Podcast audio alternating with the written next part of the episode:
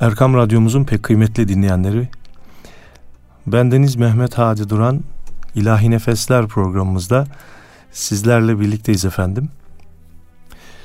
E, bugünkü programımızda e, birden fazla değişik konularla sizlerle birlikte olacağım.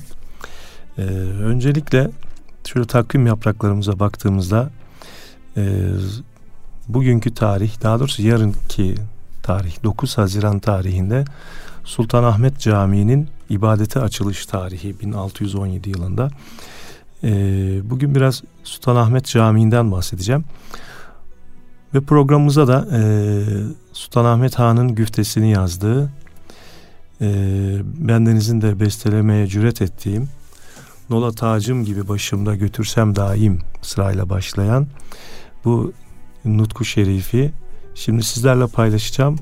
Ondan sonra da programımız devam edecek inşallah.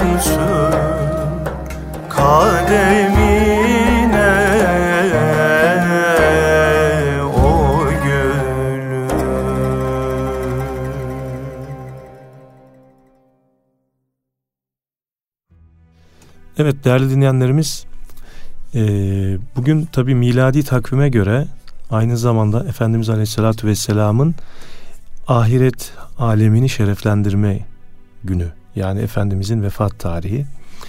E, böyle birkaç konuyla birlikte birleştireceğim demiştim sizlere.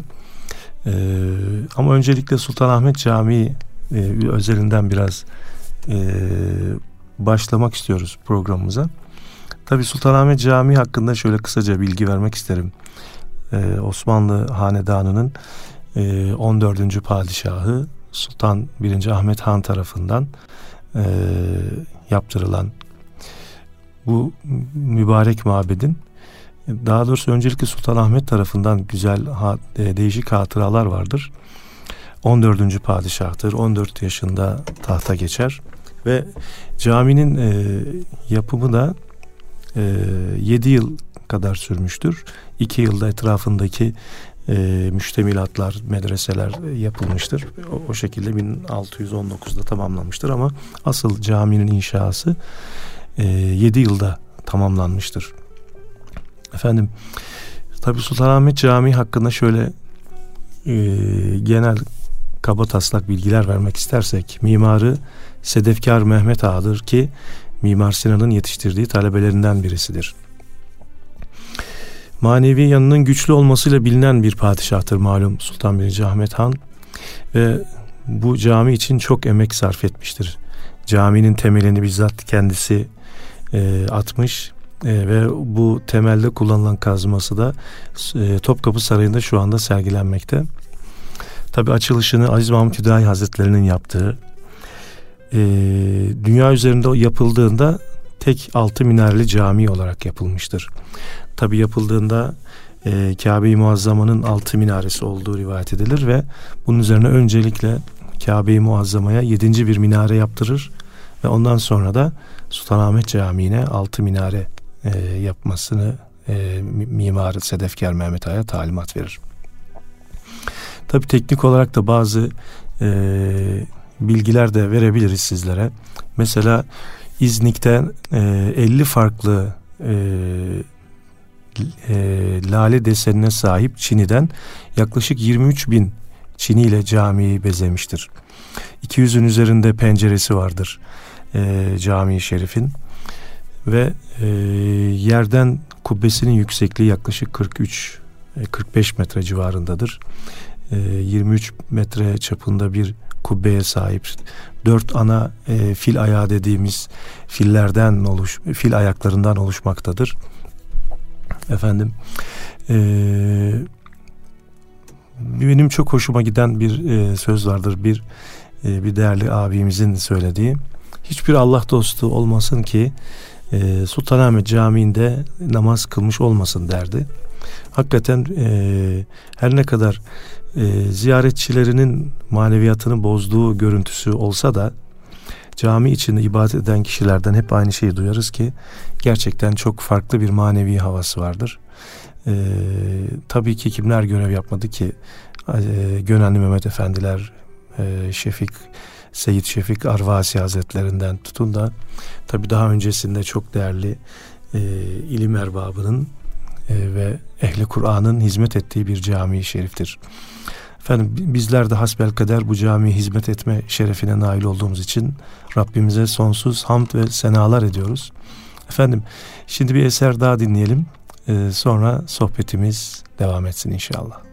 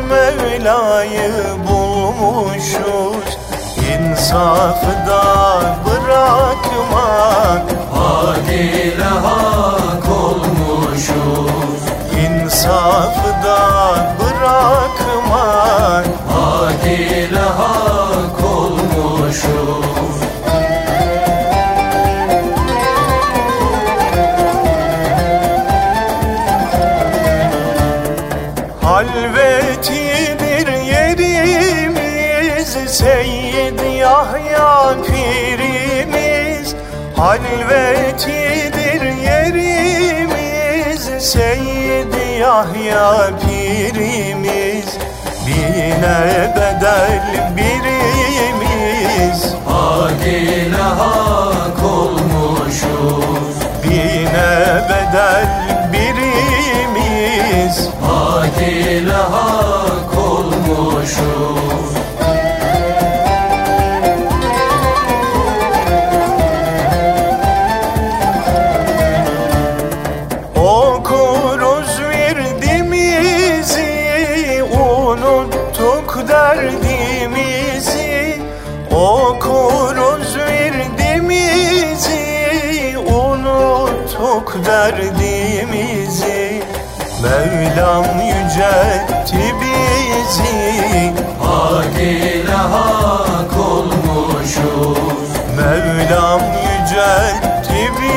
bizi Hak ile hak olmuşuz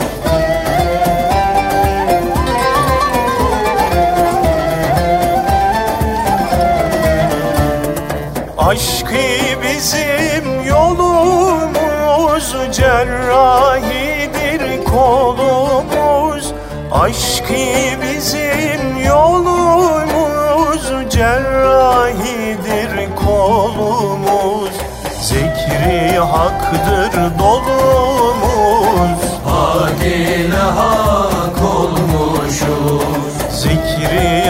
haktır dolumuz Hak ile hak olmuşuz.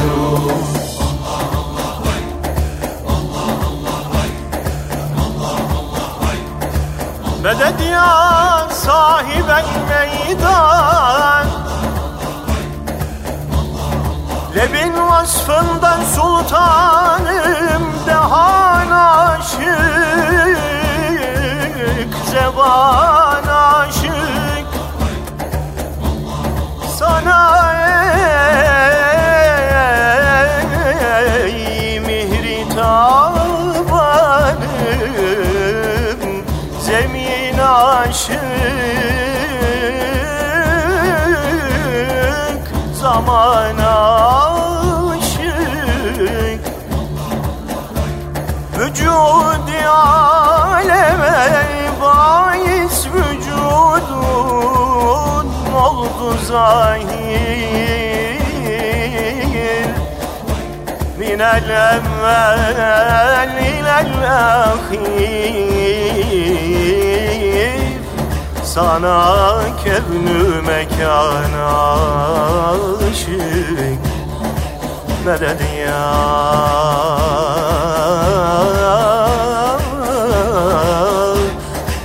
Sahibel imdad Evet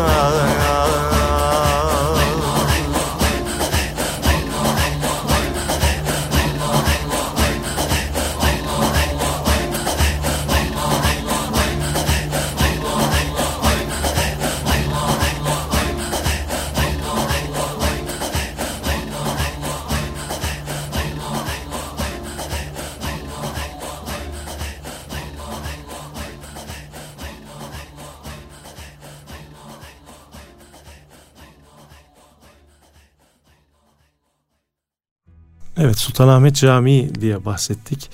Ee, B kapısından gir- gireceğimiz zaman tam e, kapının yan tarafında ki sebilin üzerinde güzel bir e, manzum bir yazı vardır. İçen abdan darı naim içre mesrur ola yazılıp amali hüsnü deftere mestur ola camii hanı Ahmet'in bani ala meşrebi Hazreti Mimar başı ahireti mamur ola. Kim Muhammed Ağa'nın namı âli himmeti, etti burana binayı haşredek meşhur ola. Olmamıştır dahi olmaz böyle âli bina, bir eser konmuştur ki kim dem bedem mezkûr ola. Efendim bu güzel kitabeyi de sizle paylaştıktan sonra şimdi de meşhur e, Hafız Sami'nin e, yeğeni olan Cevdet Soydan Ses hocanın bir e, gazelini sizlerle paylaşmak istiyorum kendi e, arşivimden. E, bir e, zikir meclisinde okuduğu bu e, gazeli şimdi sizlerle paylaşıyorum efendim. Kıble mebruyi Cenab-ı Hazretindir ya Hüseyin Kıble mebruyi Cenab-ı Hazretindir ya Hüseyin. Secdegahım haki pay devletindir ya Hüseyin. Hubbi pakimdir harabe gönlümü mahmur eden.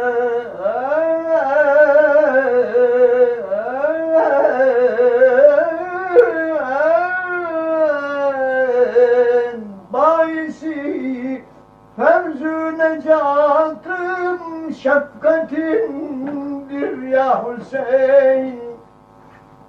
Abdikası kemterim gel sığındı yanına.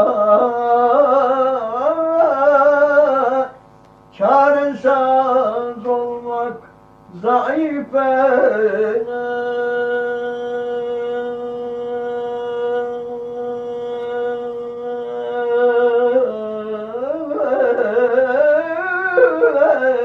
Adetindir ya Hüseyin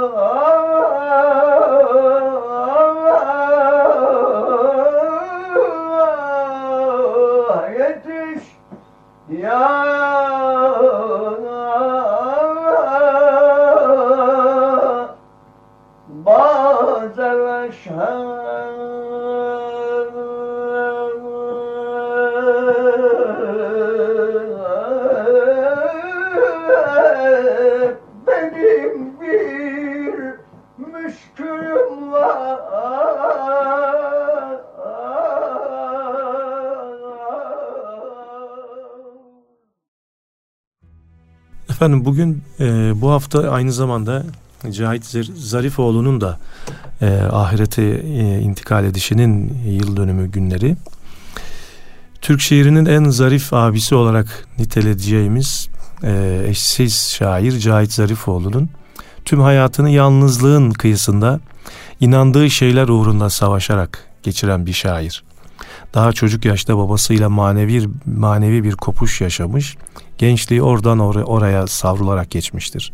Ve 47 yaşında da hayata gözlerini yuman şair etkili diliyle şiir sanatında saygıyla anılmıştır. Efendim e, şimdi Cahit Zarifoğlu ile alakalı bilinmeyen 10 özelliğini paylaşacağım şimdi sizlerle.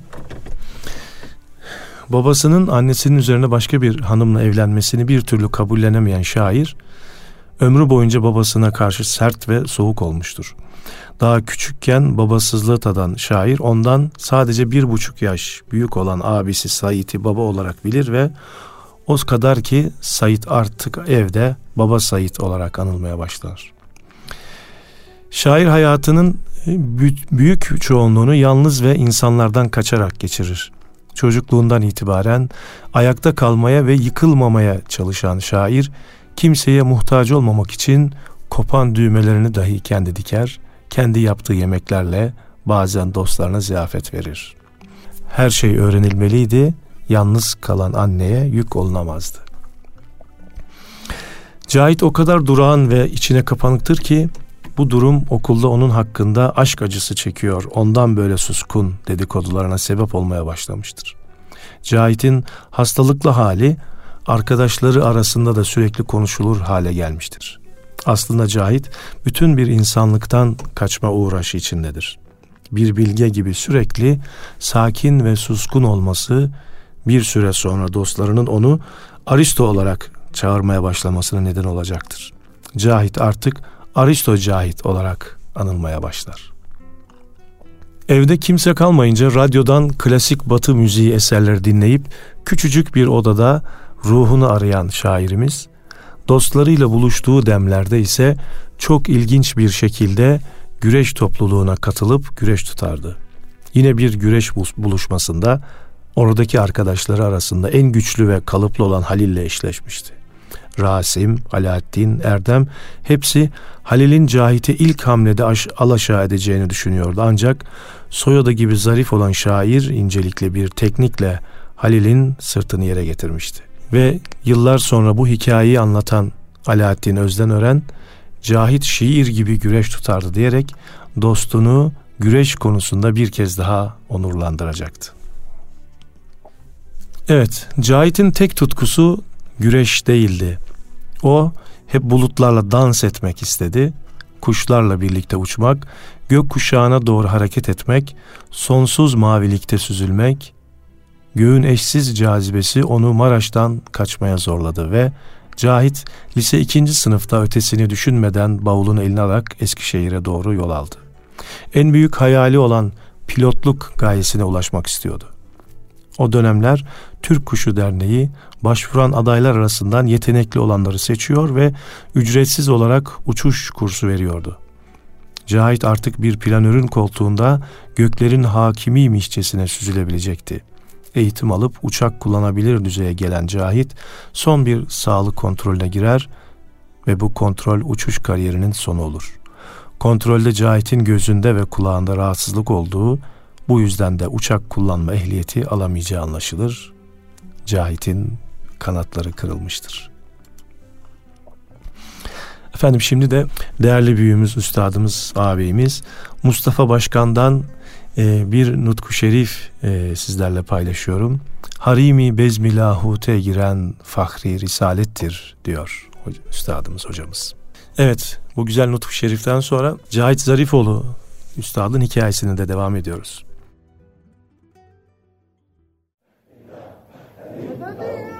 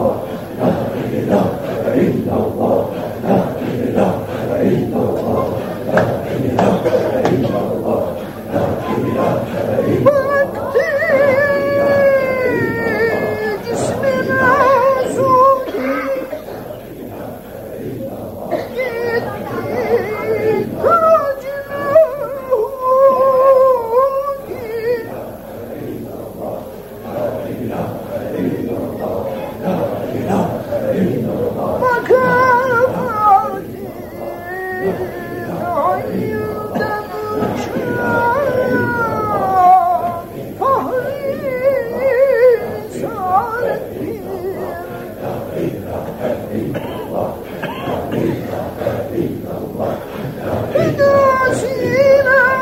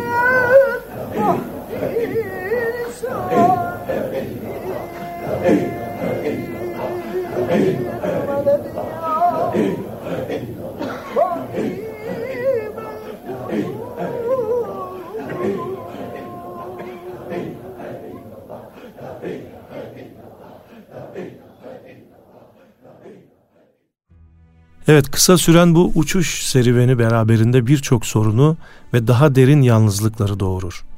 Okuldan kaçış, sınıf tekrarını beraberinde getirmiş, Cahit'in tam 3 yılı böylelikle buhar olup gitmiştir.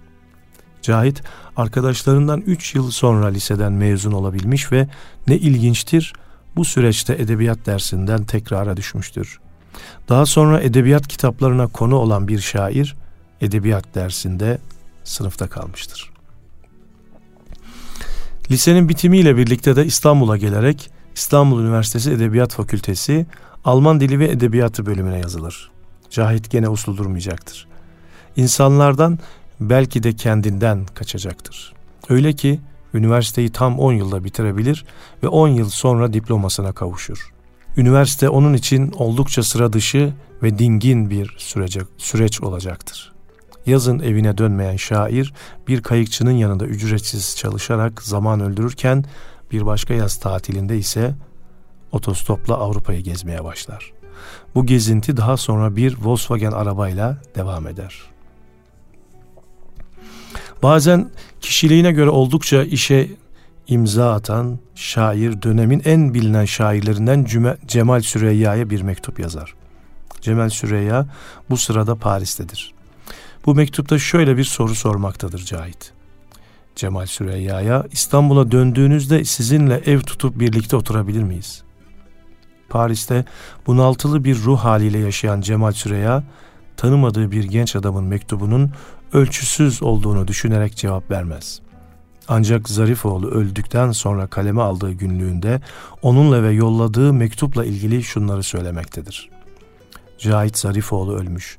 Bugünün adı bu olacakmış. İyi şairdi. İlk şiirleri de iyiydi. Daha yüz yüze gelmeden 1962'de bana Paris'e bir mektup yollamıştı. Adresimi Sezai Karakoç'tan almış. Saklamamışım o mektubu. Zarifoğlu o sıra İstanbul Üniversitesi Edebiyat Fakültesi Alman Dili ve Edebiyatı bölümünde öğrenci. Yurtlardan sıkılmış herhal. İstanbul'a dönüşümde birlikte ev tutup oturmayı öneriyordu mektubunda. Ben de bir tuhafım o günler. Bir ölçüsüzlük görmüştüm bu öneride. O ara 30 yaşı dönmüşüm. İyi sayılan bir aylığım var. Ne yani bu çocuk öğrenci hayat koşuluna mı indirmek istiyor beni? Dönüşte yeniden tanıştık. Zaman zaman vapurda, yolda Sezai Karakoç evinde bürosuna rastlaşınca konuşuyorduk. Ama her şeyden konuşuyorduk. Cahit Zarifoğlu Necip Fazıl'ın evinde bir sohbet meclisindedir. Herkes pür dikkat, üstadı dinler ama yerinde duramayan Cahit ayağa kalkar ve evin içinde dolaşmaya başlar. Necip Fazıl'ın kitaplığına bakan, plaklarını karıştıran şair, Aristo'dan sonra ikinci lakabını Necip Fazıl'ın nüktedan sözleriyle alacaktır. Cahit'in evin içinde dolaştığını ve kitapları karıştırdığını gören Necip Fazıl ona şunları söyler. Yahu burada muhteşem bir konser varken sen notalarla meşgulsün artist. Artist söylemi Nuri Pakdil tarafından da daha sonra tekrar dile getirilecek. Nuri, Nuri Pakdil yedi güzel adam içerisinde en artist mizaçlı kişi Cahit Zarifoğlu'ydu diyecektir. Allah kendisine rahmet etsin, rahmetiyle muamele eylesin inşallah. Şimdi e, Mahmut Hataylı, rahmetli Mahmut Hataylı Üstad'ın yine bir zikir meclisinde okuduğu bir Arapça kasideyi sizlerle paylaşıyorum efendim.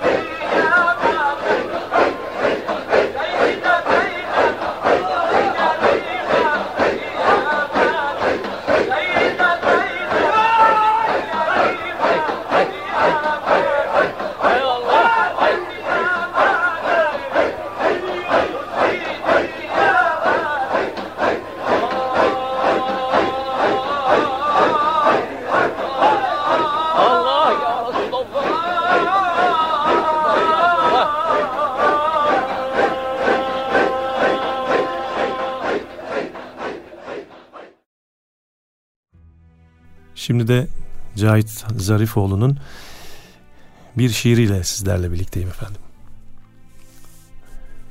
Karanlık basmadan ovalarıma, kainatın duru illetsiz aydınlıkları, katılaşırken çocuk ruhlarında, karanlık basmadan, kararmadan taşıtlar.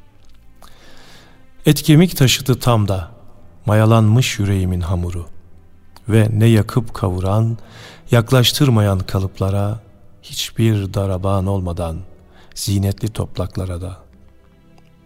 Yanardağ akıntısı, yer cazibesine mermut akan lav, katiyeti heybetiyle, akıp dağla terbiyeli bir insan eli olan elinle şekillenmeye hazırken, nerede bulabilsem seni, yetişip dizüstü düşebilsem eteklerine. Karanlık basmadan dünyayı kapatan karanlık, elimizde kılınç, ben ince işler ustası Musa, kardeşim yaki heybem, değişince kubbeli evim, girdabım, tövbem. Kapımın önünde akan ırmak, en zengin denizcisi incilerin, uzak şarklara yollanan elçilerin. Kelimeler okyanusla yarenliğe dalıp, çoluk çocuğu unutacak kadar bol ve bereketli. Binlerce yıl çün kurulmuş bir zemberek içimizde. Ağzımıza boşalttı onca sözden. Birinin heybeti ve lezzetinden damağımız çatlamakta. Ya ani karanlık, inanana rahmet, inançsıza esef olan. Hiç istanda bir rüzgar belirmiş kulağımıza gelir.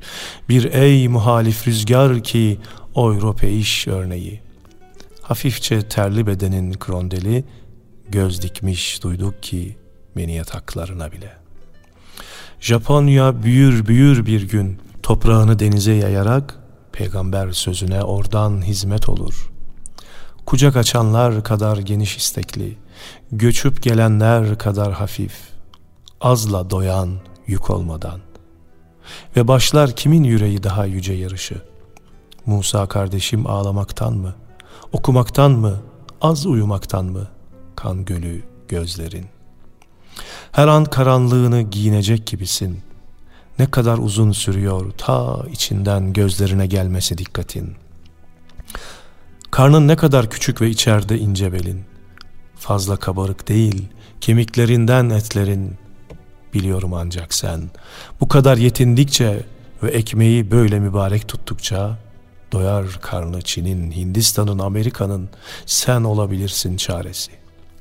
Su içinde, susuzluk hissinden ölen kimselerin, Musa kardeşim hayadan mı, boyuna posuna güzelliğine rağmen hafifçe kıvrık omuzların, hafifçe eğik başın, hele terazi tutuşun, zarif, sapasağlam. Ve artık en insansız çölde tek başına kalsa bile, eğilmezken adelen bile yine de bir nebzesini tutsa yüreğindeki tartarken ki dikkatin, ikiye yarılır bir su aygırı. Ve çocuklar tuz yalarken çocuk avuçlarından, nerede bulabilsem seni, baba bıçağını ağır ağır çekerken yetişip, ana dalgın ve su dibinde yürür gibi, dizüstü düşsem eteklerine. Ana dalgın ve su dibinde yürür gibi, üzüm tiyekleri ceylan dolu etekleri. Çocuklar kurtulamazlar yanaklarına konan yaradan. Olmadık anda bırakılırlar. Sonra nice sonra, hatta bazen karanlıklarına uzanırken kadar sonra, üzerinde gözyaşı izleri, senelerin izleriyle yol yol kalmış yanakları, mahzun yayılır. Ancak görünür güzel dişleri ve kuşlar da kaderle uçar. Efendim, e, bugün bir de sizlerle Efendimizin tabi vefat miladi takvime göre vefat e, yıl dönümü demiştik. Şimdi de bir Mevlid-i Şerif'ten İlhan Tok hocamızın e, münacat bahrini sizlerle paylaşıyorum efendim. Sonra programımız devam edecek. Ya ilahi ol Muhammed hakkı kün Ol şefaat kan Ahmet Hak için. Ol gece söyleşilen söz hak için. Ol gece hakkı gören göz hak için Sırrı fırkan nuri azam hak için.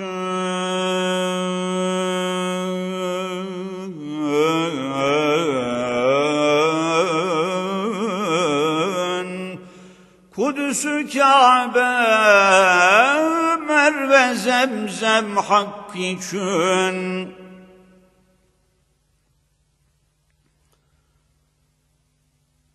Aşk odundan ciğeri püryan için derd ile kan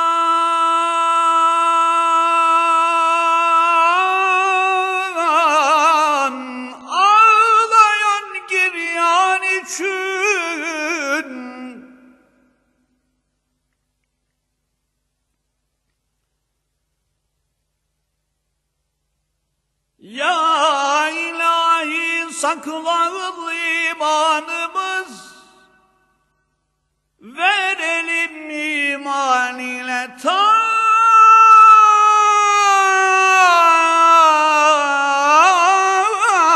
canımız. Biz günahkar asi mücrim kulları Yarlı ayıp kıl günahlardan beri. Kabrimiz iman ile pür nur kıl. Munisin ilman ile hemhur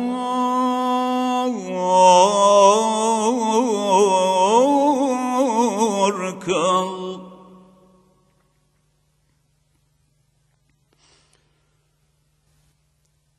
Hem dahi mizanımız eyle sekil Cennete girmeye lütfun kıl delil. Mustafa'ya hem civaret ya Kerim.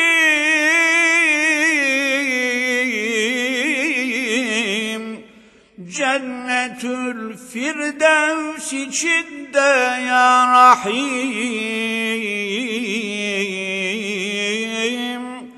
Lütfile göster bize didarını Nimetinle doyulan kullarını.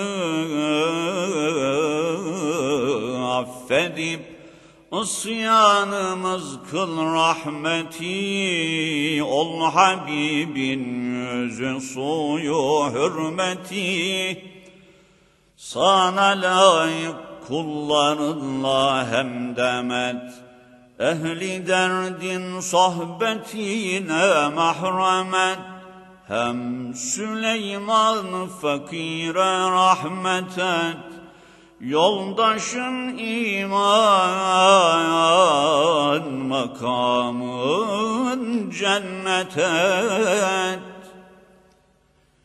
Ya ilahi kılma bizi dallin.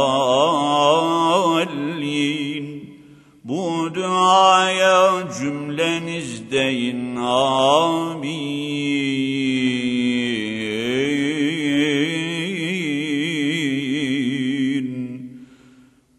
Ümmetinden razı olsun olmayın.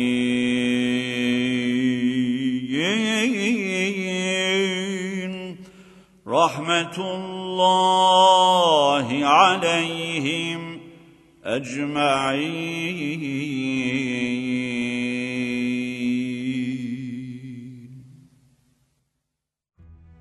Programımızın e, sonuna yaklaştığımız şu dakikalarda yine Cah- Cahit Zarifoğlu'nun Efendim isimli e, şiirini sizlerle paylaşacağım ki Efendimiz Aleyhisselatü Vesselam'a yazmış olduğu bir şiirdir bu.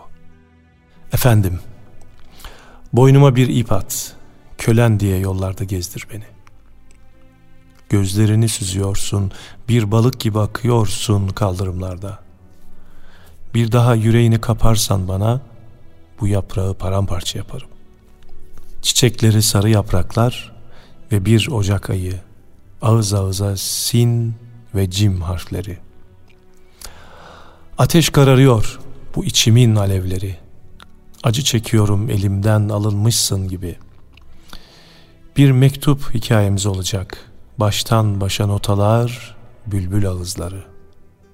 Dik kafalı bir baş görüyorlar. Başını eğmiş dalların yaprağında. Zayıf bir çocuk yüzü gülümsüyor. Dikkatle bak. Korku dolu bakışları. O boğuluyorken gülücükler saçılıyor. Ölüm bir kuş kaldırıyor mezarlıktan. Ak kanatları hayat yok oluyor. Çıkıp geliyorsun. Kor gibisin. Bir kar gibisin. Soruyorsun. Zarifoğlu bana dargın mısın? Yoksa uyandırdılar mı seni sevdamızdan? Yaşamak bir perde gibi kalkıyor aramızdan. Zamansız, mekansız bir tünel başındayız şimdi. O mavi gözleri görmüş olmalıyım. Bir ikindi vakti kas katı ellerimin altında. Uçuşlu saçlar, bukleler, üstünde uyuyan eller. Sevgim uzanıyor, soluk soluğa uyandırıyor menekşeleri. Görüyorum kıpırdanışlarını, uykunda güç açan yanaklarını. Haydi uyan, haydi canlan hazan yaprağı. Evet değerli dinleyenlerimiz, bugünkü programımızda biraz Cahit Zarifoğlu'ndan bahsettik. Biraz Sultanahmet Camii'nden bahsettik. Ve bu arada da e, kendi arşivimden e, değerli üstadların güzel nutku şeriflerini sizlerle paylaşmaya gayret ettik. E, ve tabii ki e, Efendimiz Aleyhisselatü Vesselam'ın miladi takvime göre e, vefat e, yıl dönümüydü.